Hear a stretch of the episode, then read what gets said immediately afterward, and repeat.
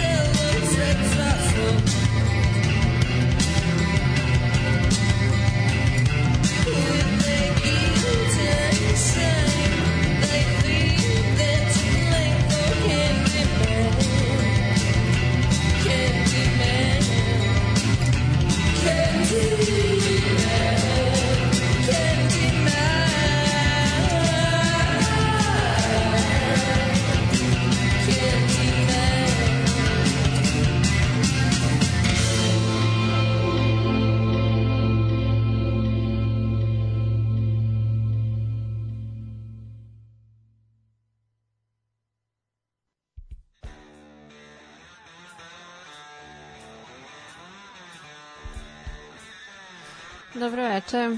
E, večeras se družimo 102. put. A, još, još malo ću se vrteti oko Berlina. A, ne konkretno, baš u vezi sa muzikom ko, odande, koja odande potiče, već o onom a, e, studiju koje sam vam pomenula prošle nedelje, malo ću nadograditi a, tu priču prošla, e, tema prošle epizode je bila berlinska trilogija Bovijeva i Igijeva i mnoga druga ostvarenja osim njih e, su snimana tokom godina tamo kako e, savremene tako i klasične muzike a, Hall by the Wall kako ga je Bovi nazvao se zapravo zove Hansa Ton Studio i nalazi se u Kreuzbergu u blizini zida. A sam objekat je sagrađen 1913. godine. E sad, 20. godina rastuća berlinska umetnička scena koja je uključivala nemi film i razne umetničke izložbe je bila prezentovana tu. A zatim 30. su se održavali uglavnom koncerti klavira, A tokom drugog svetskog rata nacisti su ovde održavali svoja bauska dešavanja, razne kabare i filmske projekcije. A po završetku rata zdanje je postalo javno dobro, renovirano je pošto je u ratu bilo donekle oštećeno, a aktivnosti u njemu su ostale dosta slične do tadašnjim iz ratnog perioda. E, do 61. godine je sve to bilo aktualno kada se podiže zid i sve se remeti. Ovaj doskorašnji epicentar kulture glavnog grada ostaje da zjapi prazan na nekoj međi između zapadnog i istočnog Berlina. A godinu dana kasnije, dakle 62 se osniva diskografska kompanija Hansa Records, a, koja se nekoliko godina kasnije zvanično useljava u ovu zgradu koja je e, preuređena tom prilikom da ispuni uslove ozbiljnog muzičkog studija. Na prizemlju je otvoren restoran, a master sala, koja je nekada služila za održavanje tih kabarea i projekcije nemih filmova, je postala a, takozvani studio broj 2. A, godinama su domaće i svetske zvezde svoje albume snimale ovde, najviše zbog veoma kvalitetne akustike koju je ovaj studio posjedovao. Međutim, padom zida 89.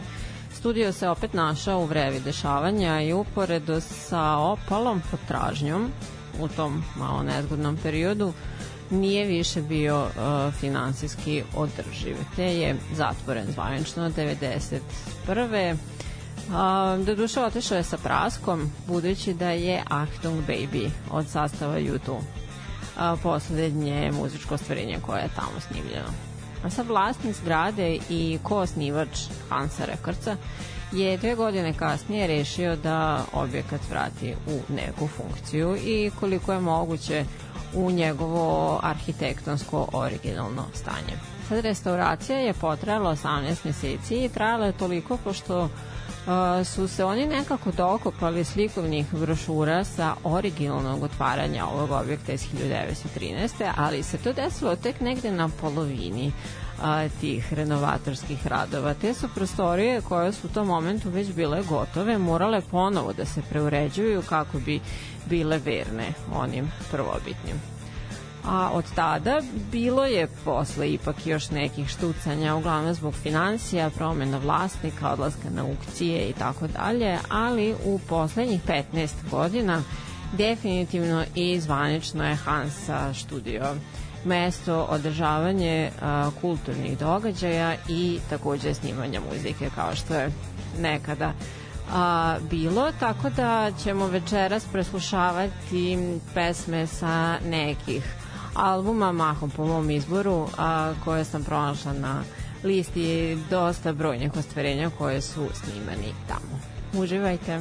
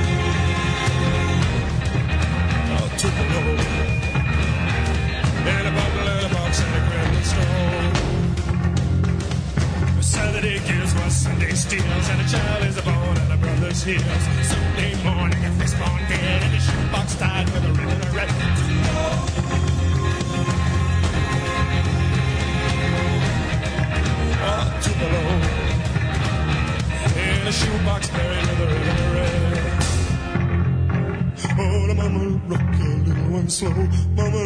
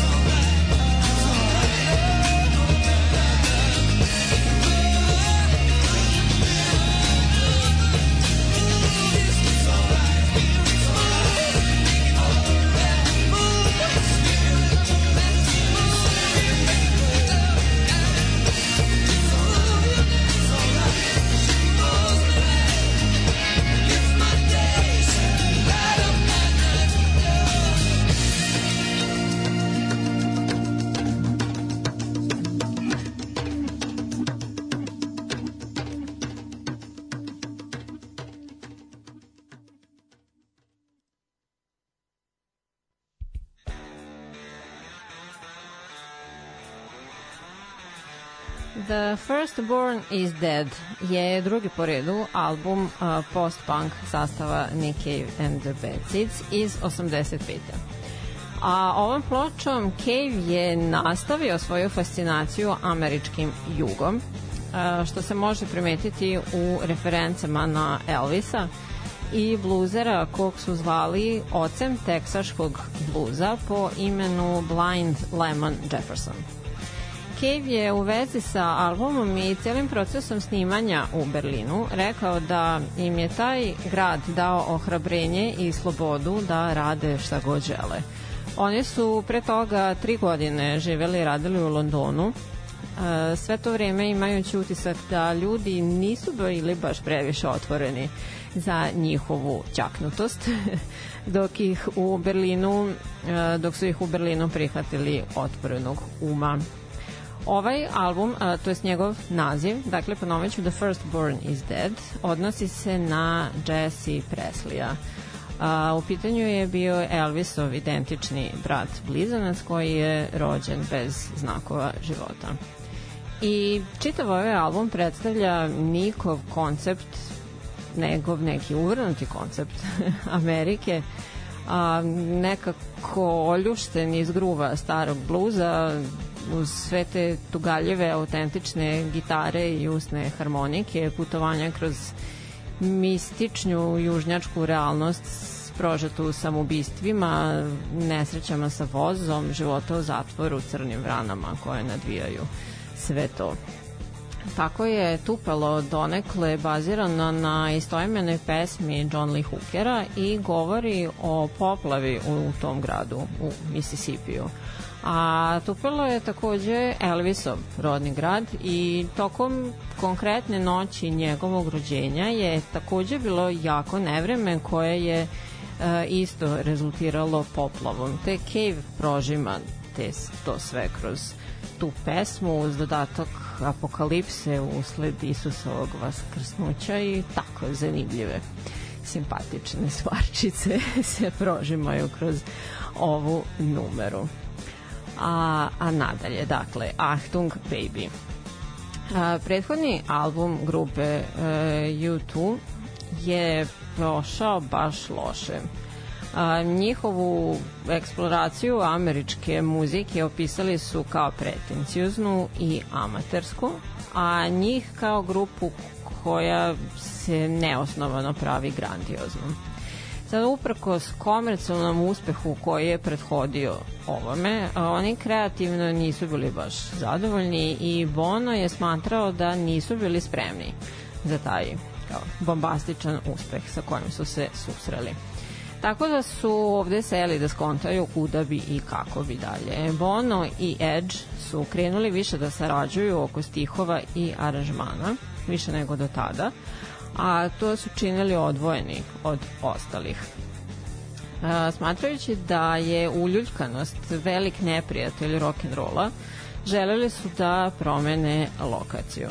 I poštivajući, to sam pomenjala prošle nedelje, e, Bovijeve i Popove urotke iz Hansa studija, a i zbog e, čitave te atmosfere rušenja zida, formiranja nove Nemačke, te inspiracije za evropsku muzičku estetiku kao takvu odabrali su jeli, Hole by the Wall. E sad, nije sve išlo baš tako glatko. Uh, simpatična, mislim simpatična, smešna anegdota je da se Sonja najpre po dolasku u Berlin uh, koji je bio u haosu zbog pada zida i sve, uh, preključili nekom uličnom protestu, a, ali ko, taj protest u stvari oni su to shvatili kao da je neka proslava, parada, šta već. U stvari to su bili komunisti koji su bili protiv ujedinjenja Nemačke i protestovali su protiv rušenja zida, a ovi su mislili da je neka parada i kao hajho, krenuli se njima pa šta god. E sad, taj geg po strani nebitno. A, utisak o ovom gradu je da je bio propadajući i depresivan još usred svog tog haosa. Zima je bila dosta oštra, bože moj, njima je bilo to dosta teško da podnesu, hotel im je bio bez veze, studio su smatrali neopremljenim i da je generalno imao neki loš vibe. A među momcima takođe je bilo dosta nesuglasica oko pravca kojim su smatrali da treba da idu, a ostalim momcima se nije dopadalo to što su ova dvojica oformili tu neku svoju kliku. Sve je išlo dotle da je i raspad grupe bio opcija. A Brian Eno bio je zapravo ruka pomirenja u ovoj situaciji kao njihov producent. Jel, on je dolazio u studio svaki dan i radio je na tome da ih uveri da oni jesu bolji i da zvuče bolje nego što zapravo misle, pronalazio je načine da je učenje da se oni slože. A najzad se to ispostavilo da je bila pesma One.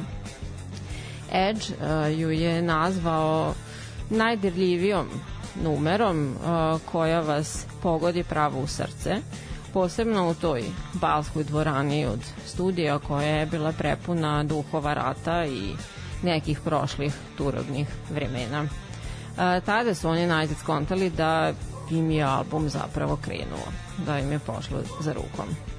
A nakon Berlina relocirali su se natrag u Dublin i sve je krenulo bolje. Međutim, ti uh, berlinski snimci, čini mi se da sam videla da su bile samo dve ili tri pit, e, pesme u pitanju, ali opet neki materijal je uh, već napravljen i to im je ukradeno iz e, hotelske sobe u Dublinu i to je sve procurilo pre završetka albuma što se smatra najpoznatijim bootlegom njihove karijere, što im je dosta uzburkalo samopouzdanje i pokvarilo raspoloženje na neko vreme.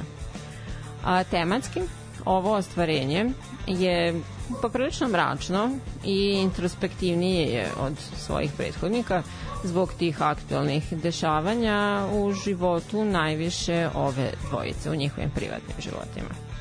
A nasuprot tome, umetničko rešenje omota je veoma živopisno i šarenoliko. Uh, Anton Corbijn, pom, pominjan nedavno, bio je dugogodišnji fotograf ove grupe. On ih je fotkao i u Berlinu, ali nekako sve im je bilo a, melanholično i monohromatski nije odisalo duhom novog albuma i novog praca kojim su jeli hteli da idu. Te su a, na kratko, na neke dve nedelje otprilike su otišli na Tenerife gde su se opustili i raspustili, kostimirali, minglovali sa ljudima na ne, tako nekim festivalima, obvukli su se i u drag i naprosto samo se zabavljali, a ovaj je to pratio fotoaparatom.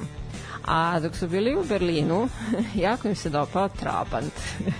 pa su i tamo, a i ovde na ostrvu, znači dopremili da su neke primerke a, koji su bili ja, jarko oslikani onako u fazonu nekih grafita, murala, šta znam, po kolima i taj simbol komunizma i simbol njegovog pada, ali opet koji je urađen u nekom veselom a, maniru su potkali takođe za umetničko rešenje svog albuma.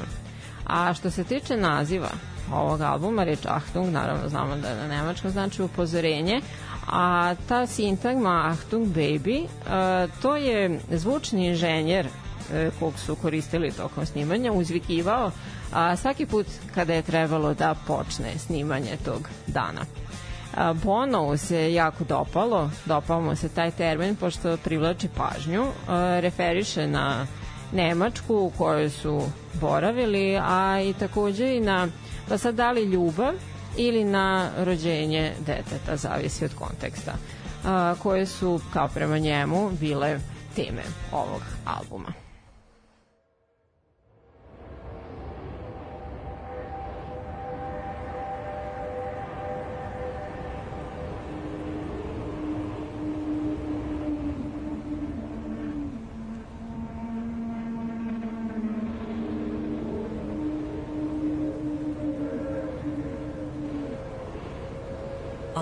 Somebody to share, share.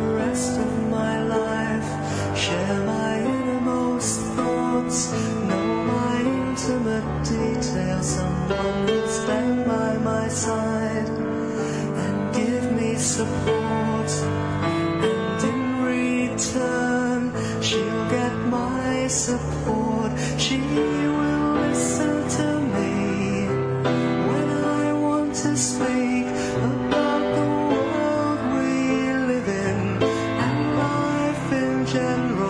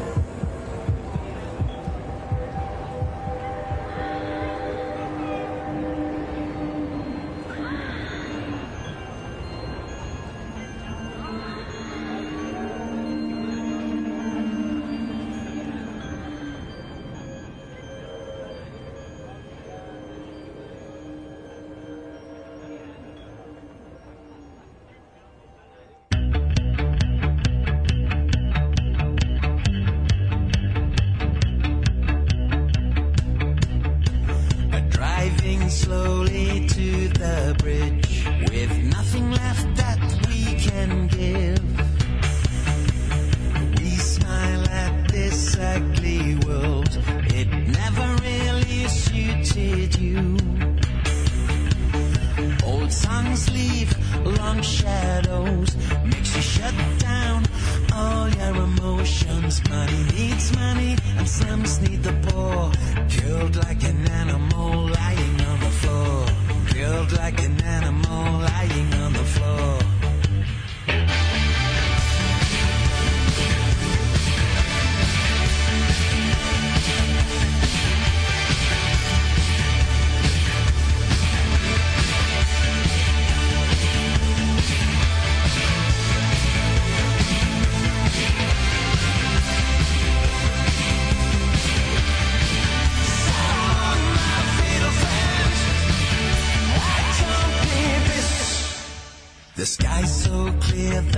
if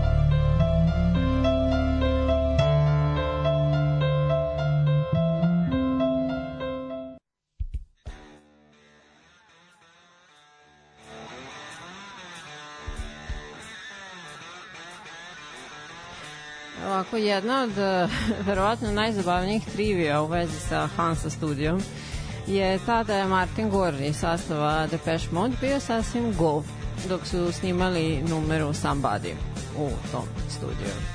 A druga stvar u vezi sa ovom numerom da je pa ona tipičan predstavnik Martinovih malih pokvarenih zaokreta u pesmama koje piše, a, gde on krene o tim nekim lepim romantičnim stvarima, pronalaženju svoje prave ljubavi i slično, da bi na kraju sve namerno pokvario. On sam a, tvrdi da nije sposoban da napiše konvencionalnu pop ljubavnu pesmu, pošto mu to sve deluje veštački i nedovršeno.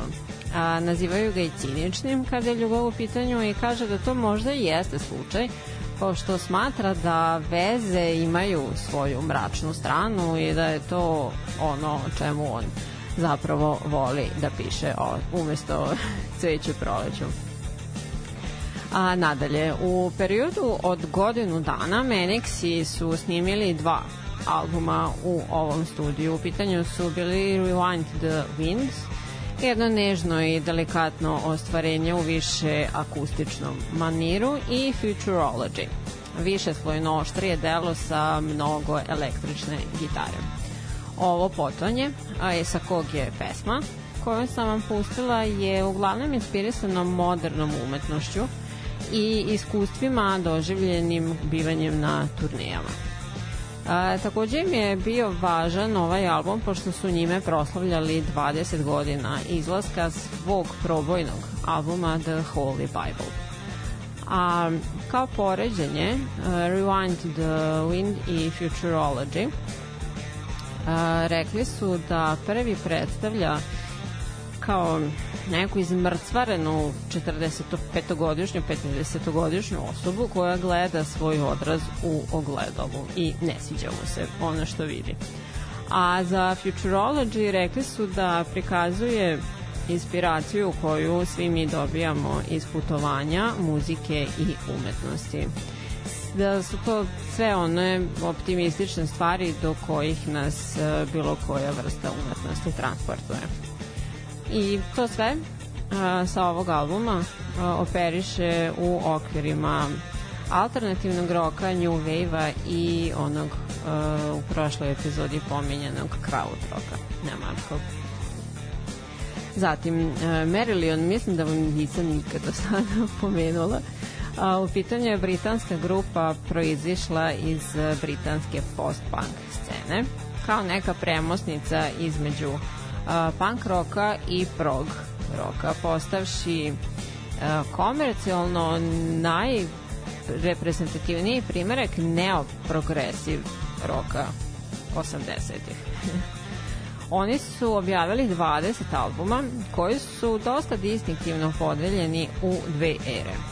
Prva je vođena lead pevačem umetničkog imena Fish, a druga onim koji se najčešće odaziva na H, kao H. a, ono što je interesantno u vezi sa njima, sa ovim bendom, je to što su oni nekako od uvek nepopularni u mainstreamu i unfashionable se koristi kao termin kojim ih bukvalno svi opisuju. Jer kao nisu elegantni i glamurozni kako se valjda nešto od progera očekuje e sad ne znam ko je zapravo sad neki kao lepotan reprezentativni primjerak ono tog žanra muzike ali eto u svakom slučaju Kaylee potiče sa trećeg albuma ovog sastava dok je Fish još uvek bio za mikrofonom a, u pitanju je album Place Childhood a, koncept album koji je donekle baziran na njegovim iskustvima iz detinstva, a donekle na nekom incidentu koji se desio dok je bio pod uticajem LSD-a. A, zapravo je Fish dobio ideju za album tokom tog nekog desetočasovnog tripa.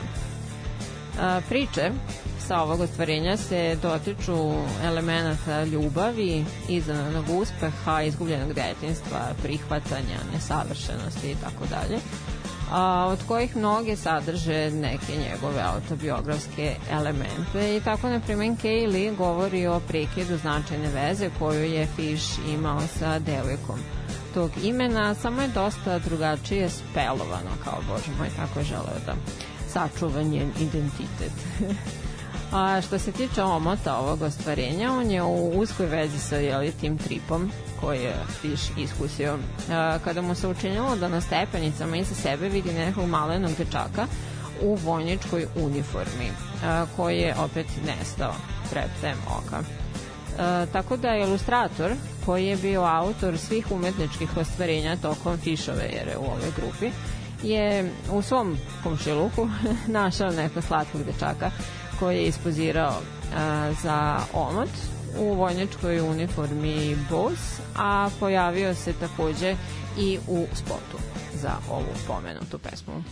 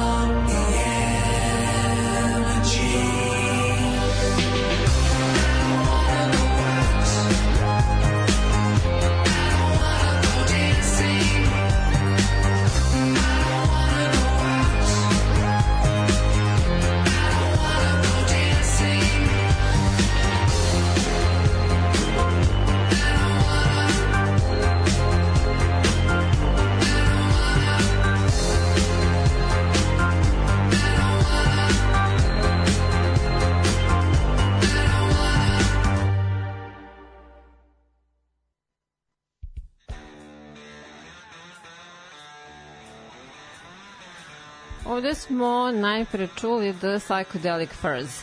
Uh, jedan od pa mnogih dobrih sastava proizašao iz britanske post-punk scene čija je muzika šarala od inicijalno art roka do new wave-a pa i hard roka.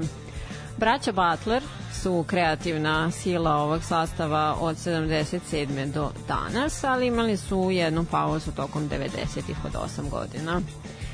Pa sad sa više manje znanih hit, manje ili više znanih hitova, ne znam kako bi to rekla. Njiho, njihovo najveće priznanje je verovatno bilo ono kada je filmađija John Hughes a, svoje ostvarenje nazvao po njihovoj pesmi Pretty in Pink. A ovde e, sada je u pitanju album Midnight to Midnight petim po redu iz 87. E, a sa istim producentom kao Marillion na njihovom prethodnom pomenutom Miss Police Childhood. Sada, iako ga je pevač Richard Butler kasnije opisivao kao slabo, a previše producirano, kao overproduced ostvarenje, e, komercijalno je njima ovo, ovaj album bio veoma uspešan i u Jedinjenom kraljevstvu se popeo na dotadašnje najviše mesto na top listama. I nešto najsvežije iz Hansa studija pored Zida je 14. album synth-pop eh, dua Pet Shop Boys iz 2020 eh, koji se sa najvećim uspehom susreo u Jedinom kraljevstvu u Nemačkoj i Španiji. E sad on nije sasvim, ali jeste većinom snimljen u ovom studiju gde su momci, kako kažu, napisali i snimili pa dobar deo svoje muzike i to u proteklih 10 godina. A jedan od meni omiljenih muzičkih kritičara Robert Krisgau je kao reviziju ovog albuma napisao da su ova dvojica, citiraću, happy people living in a sad world, da svoje sretne i zadovoljavajuće momente proslavljaju tako što ih transformišu u muziku koja nikad ne podlaže nikakvim ograničenjima niti očekivanjima publike ili pak muzičkih kritičara. A ovdje završavamo večerašnje druženje. Hvala vam na slušanju. Učinite to ponovo sledećeg utorka kada ću obećavam malo da se maknem od Berlina pričat ću vam o nečemu drugom. Možete me do tada podržati na Patreonu i na Paypalu i to je to. Ćao!